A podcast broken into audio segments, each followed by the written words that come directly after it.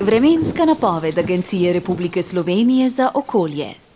Ja, z nami je dežurni meteorolog Janez Markošek. Dobro jutro. Dobro jutro. A, imate kakšen nasvet zdaj le za tiste, ki odhajajo v šolo, v službo, naj vzamejo s seboj dežnike?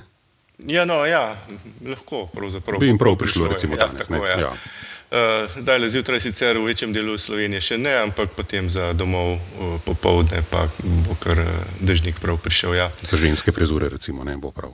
Ja, frizure bo kuštral veter. Ne, A, tako da- tudi, no, ja. potem pa marsikaj potrebujemo danes. Povejte, kakšno bo vreme. Ja, torej v zahodnih krajih že začenja deževati, oziroma že dežuje, in ta dež se bo počasi ob približevanju hladne fronte eh, širil proti vzhodu in nekako do poznega popoldneva zajel večji del Slovenije. Um, Predvsem na primorskem lahko tudi zagrmi, torej tam bo možna kakšna nevihta. Piha jugozahodni veter, pihal bo tudi čez dan, šele zvečer bo oslabel, ob morju pa piha jugo, ki bo prav tako potem zvečer oslabel. Danes bo še toplo, najtopleje na vzhodu, v vzhodni Sloveniji, kjer bodo pred dežjem temperature še tja do okoli 18 stopinj, drugot pa bodo nekje od 10 do 16 stopinj.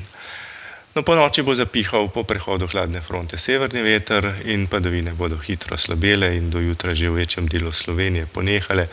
Zjutraj bodo še rahle padavine le ponekod na kočevskem, notranskem, tam bo meja sneženja pravzaprav relativno nizko.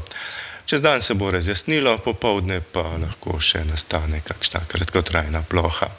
Precej vetrovno bo tudi jutri, ampak pihal bo veter severnih smeri, na primorskem pa eh, šibka burja. Hla- Hladilo se bo, na primorskem bodo 13, drugod pa od 6 do 11. Potem pa eh, v nadaljevanju tedna, od četrtka do nedelje, kar veliko sončnega vremena, sprva bo kar sveže in predvsem četrtek in petek bo zjutraj marsikje še slana. Ja, najlepša hvala, Janez Markošek in lep torek vam želimo. Hvala enako, naslednje. Srečno ura je 6 in 26 minut.